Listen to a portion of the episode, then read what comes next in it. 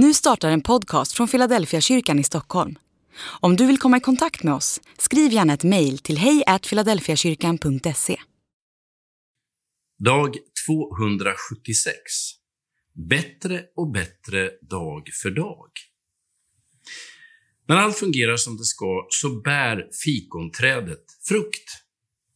På samma sätt är det med Andens verk i en människas liv. När allt fungerar som det ska så bär man frukt i form av kärlek, glädje, frid, tålamod och så vidare. Men sanningen är att livet sällan fungerar som det ska. Handen på hjärtat, nog har de flesta av oss ganska mycket gemensamt med fikonträdet i liknelsen. I tre år har jag kommit och letat efter frukt på det här trädet utan att hitta någon. Vi går igenom perioder som bäst kan beskrivas som sterila. Det handlar om långa tider utan någon egentlig mognad eller frukt.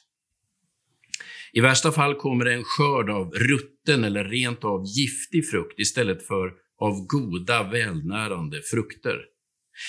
Liknelsen om fikonträdet i vingården sätter fingret på en av de stora utmaningarna i våra liv. Vad händer när det önskade resultatet uteblir?